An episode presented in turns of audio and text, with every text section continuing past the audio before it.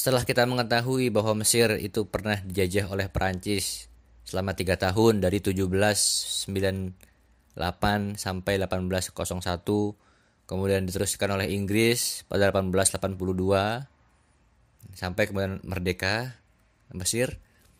Nah, ternyata tidak hanya Mesir yang sudah dijajah sejak masa itu, itu sejak permulaan abad 18. Eh, abad 19, maaf yaitu 1800-an. Nah, ternyata kalau kita lihat lagi hampir ya seluruh wilayah kekuasaan Utsmani itu sebenarnya sudah berada di bawah cengkraman penjajah sebelum Perang Dunia Pertama, hampir sebagian besar. Mulai dari ujung Afrika Utara, Maroko, kemudian sampai ke Mesir, sampai ke timur, ya, ke India, dan kalau timur lagi sampai ke Asia. Itu sudah dijajah, diduduki oleh penjajah, oleh Barat, ya, bisa Inggris, Prancis, Italia, itu sebelum Perang Dunia Pertama. Nah, yang masih bertahan sebagai wilayah Utsmani hingga Perang Dunia Pertama itu yang pertama ada Turki, kemudian Suriah, Irak, dan juga Arab Saudi. Yang mana Arab Saudi terbagi menjadi dua, ada wilayah Hijaz dan juga wilayah Najd. Nanti kita bahas tentang Saudi Arabia di bab setelah ini, bab ke-6. Nah, jadi itu e, gambaran singkat bukan hanya Mesir ternyata yang sudah mulai dijajah sejak permulaan abad 19. Nah, oke okay, bisa langsung dibuka di buku halaman 92 yang judul bab ini adalah Atawassu al-istiqmari fil biladil arabiyah qoblal harbil alamiyatil ula hatta istiqlal ekspansi kolonialisme di tanah Arab sebelum perang dunia pertama hingga kemerdekaan ya masing-masing negara yang dijajah itu. Nah, yang pertama kita akan membahas eh, daerah atau wilayah Al-Khalij wa Janubul Jazirah Al-Arabiyah. Khalij itu artinya teluk ya. Nah, maka ketika dikatakan Al-Khalij dalam sejarah itu maksudnya adalah negara-negara teluk. Ya, disebut juga kadang Dualul Khalij. Kalau sekarang negara-negara teluk. Nah, negara teluk apa aja? Negara teluk itu ada Oman, ada kalau sekarang ya, ada Oman, ada Emirat, ada Qatar, ada Bahrain, ada Kuwait. Itu lima dan selatan Jazirah Arab itu maksudnya adalah Yaman selatan. Nah, ekspansi yang dilakukan atau penjajahan yang dilakukan oleh Prancis terhadap Mesir dan Syam di penghujung akhir abad 18 tadi kan mulai 1798 sampai 1801 Nah, itu Prancis yang mengawali yang mengawali ekspansi barat ke negeri kaum muslimin. Nah, setelah Prancis berhasil melakukan Mesir, nah hal itu membuat Inggris iri ya.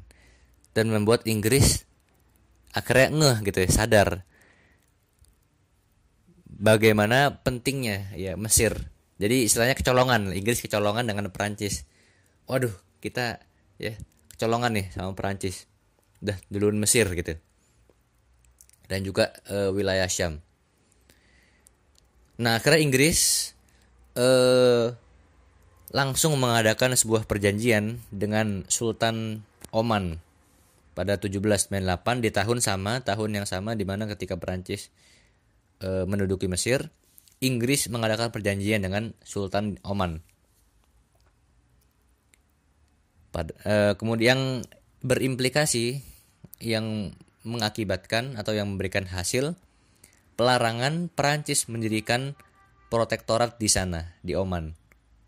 Bahkan rakyat Mesir pun diminta angkat kaki dari Oman karena perjanjian ini. Nah, oh ya, sebelumnya jadi sebenarnya ini bukan pertama kali ya, maaf gitu. Jadi Inggris sebenarnya sudah menduduki wilayah timur, terutama India. India itu merupakan memang pusatnya. Pusatnya di mana Inggris itu e, meletakkan kolonia koloninya atau protektoratnya di India itu kuat. Nah, setelah Oman nggak cukup sampai situ. Inggris pun segera menduduki ya, Pulau Perim namanya. Pulau Perim itu terletak di mulut Selat Babul Mandab. Di kalau di gambar di buku ini kurang jelas sebenarnya, tapi yang di celah sempit ini selat yang menghubungkan antara Laut Merah dengan e, Samudra Hindia, yaitu di penghujung Yaman dan juga Ethiopia, di itulah di Apit itu. Di tengah-tengah itu ada sebuah pulau namanya Pulau Perim. Yang itu menjadi pintu masuk penting menuju Laut Merah dari Samudra Hindia.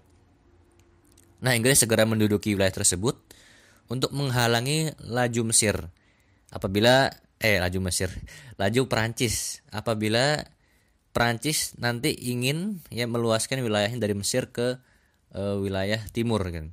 Jadi Inggris menutup jalan bagi Perancis dengan menduduki wilayah atau pulau Perim.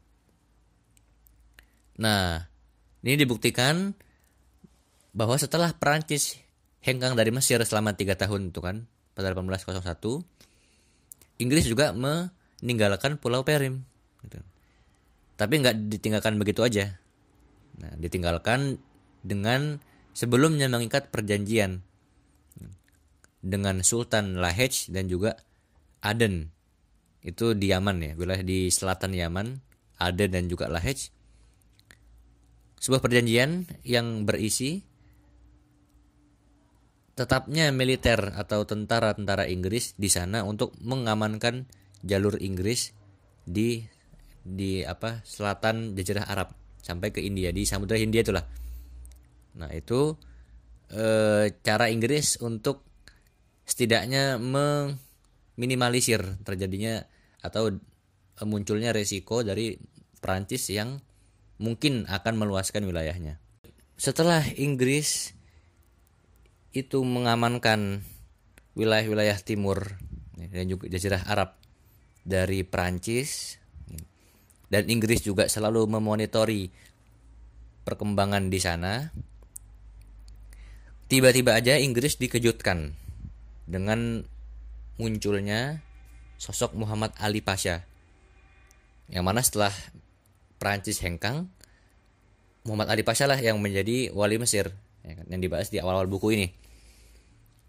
Nah, dikejutkan seperti apa? Dikejutkan dengan munculnya sosok Muhammad Ali Pasha di sebelah utara Teluk, ya. berarti di wilayah ya dekat atas Kuwait itu ya di wilayah Saudi gitu ya. Ngapain si Wan Ali ini? Yaitu pada tahun 1818 Muhammad Ali berhasil meruntuhkan, menggulingkan negara Saudi pertama yang didirikan di kota Jiriyah. Yang mana negara Saudi pertama ini ya, berdiri ya, di atas ya, pemikiran-pemikiran dan juga paham-paham Muhammad bin Abdul Wahab yang ya, dikenal dengan eh, paham Wahabi gitu ya. Nah, kemudian Inggris akhirnya panik panik kalau misalnya Muhammad Ali ternyata punya plan untuk memperluas kekuasaan Utsmani lagi hingga ke Teluk yang itu bisa mengancam kepentingan Inggris di sana. Jadi Inggris eh, kemudian nggak mau ambil resiko. Maka akhirnya Inggris langsung menggulirkan sebuah konsolidasi dengan para emir-emir ya, para ya, emir sebetulnya kalau di Teluk itu para emir-emir para sultan-sultan di sana pada 1820 yang berisi apa? Yang berisi pelarangan e, perompak dan juga jual beli budak yang biasa dipraktekkan di Kesultanan Oman. Nah ini mungkin untuk ini ya, untuk melunakkan, melunakkan mereka seakan-akan oh Inggris kok sangat peduli dengan kemanusiaan gitu loh. Nah sebenarnya untuk cara Inggris untuk merayu ya, agar para sultan, para emir di Teluk negara-negara Teluk ini itu mau tunduk dengan Inggris. Yang di tahun-tahun berikutnya perjanjian ini diperbarui ya, dengan isi yang mengandung bolehnya Inggris untuk mulai ikut campur, mulai intervensi dalam konflik-konflik internal di antara para para emir. Nah, eh, terkait dengan tadi apa hubungannya terus ya? Antara Inggris dengan negara Saudi ya hubungan segitiga antara Inggris eh, keluarga Saud dan juga Muhammad bin Abdul Wahab atau gerakan Wahabi. Nah ini anda nggak akan bahas banyak di sini gitu. Silahkan kalau ada mau mau didiskusikan setelah dars berakhir ya. Ini juga lumayan apa eh, sedikit menarik dan juga kontroversial ya. Nanti bisa kita bahas. Yang intinya di, eh, disebutkan di sini bahwasanya keberadaan negara Saudi itu merupakan perpanjangan tangan dari Inggris di wilayah Jazirah Arab. Nah, tadi kembali lagi ke perjanjian yang antar Inggris dengan para sultan di Teluk-Teluk ini. Nah, semakin lama tahun berganti tahun, kesepakatan-kesepakatan yang telah ada itu akhirnya berubah menjadi protektorat di di Muscat dia di Oman itu dimulai protektorat Inggris pada tahun 1891 dan di Kuwait pada 1899 nah kemudian eh, kembali sedikit ya mundur sedikit. Pada tahun 18, 1837 Muhammad Ali sampai tiba di Yaman atas nama Turki Utsmani yang membuat Inggris panik. Ya. karena Inggris kan sebelumnya udah melakukan perjanjian tuh dengan uh, Sultan di Lahaj dan juga di Aden. Nah kedatangan Muhammad Ali ke Yaman ini itu membuat Inggris panik. Kalau kalau nanti wilayah wilayah, wilayah uh, Inggris eh bukan wilayah Yaman yang sudah diikat perjanjian dengan Inggris itu akan lepas maka Inggris pun akhirnya segera menduduki wilayah Aden pada 1839 dan mengadakan perjanjian dengan Sultan Lahej ya, agar mengamankan jalur ya, Inggris dan juga selalu memonitoring rakyat-rakyat di Yaman Selatan ya, untuk tidak melawan Inggris dan mendukung Inggris. Jadi di sini kita ya lihat ya bagaimana dilema sebenarnya ya, bahwa para eh, penguasa-penguasa kaum muslimin di wilayah Teluk terutama di sini itu ya terlihat sangat mudah sekali ya menyerahkan wilayah itu kepada Inggris gitu ya. termasuk juga e, negara Saudi